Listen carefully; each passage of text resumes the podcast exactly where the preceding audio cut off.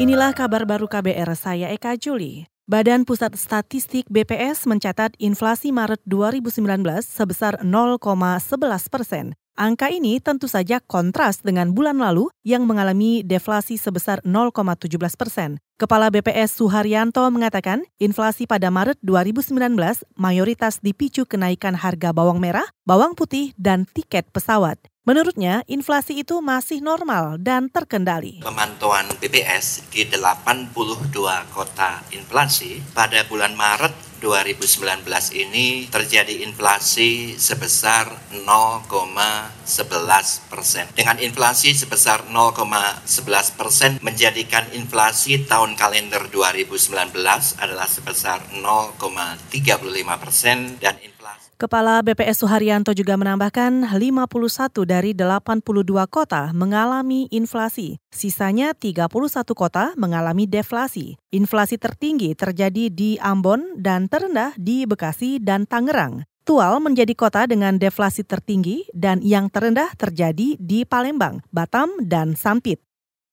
Kita ke Kalimantan Timur. Wali Kota Balikpapan, Kalimantan Timur Rizal Effendi menuntut komitmen Pertamina untuk merekrut tenaga kerja lokal. Hal ini terkait dengan bakal dimulainya pekerjaan perluasan kilang minyak di Balikpapan. Rizal mengatakan sudah menyiapkan sekitar 3.000 tenaga kerja lokal yang telah dilatih di Balai Latihan Kerja. Kata dia, perekrutan tenaga kerja lokal ditujukan agar mencegah terjadinya gesekan sosial.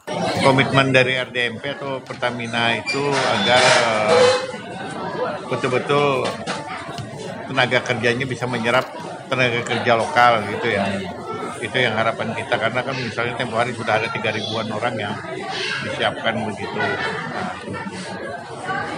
Wali Kota Balikpapan Rizal Effendi juga mendesak Pertamina membangun museum minyak. Pasalnya, Kota Balikpapan tercatat masuk sejarah sebagai daerah pertama yang melakukan pengeboran minyak pada 1997 oleh perusahaan Matilda dari Belanda. Selain itu, Balikpapan juga bakal memiliki kilang minyak terbesar di Indonesia. Proyek perluasan kilang menelan anggaran 57 triliun rupiah dan yang ditargetkan rampung selambatnya 2022.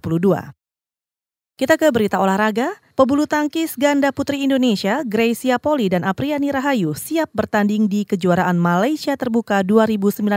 Gracia dan Apri yang baru saja menjuarai turnamen India Terbuka ini berharap mampu menampilkan permainan terbaik, terutama ketika melawan ganda-ganda tangguh dari Jepang. Ganda putri ranking 5 dunia ini mengaku sempat kehilangan kepercayaan diri setelah terpuruk di All England dan Jerman terbuka. Mereka berharap kemenangan di India terbuka kemarin menjadi titik balik untuk meraih prestasi selanjutnya.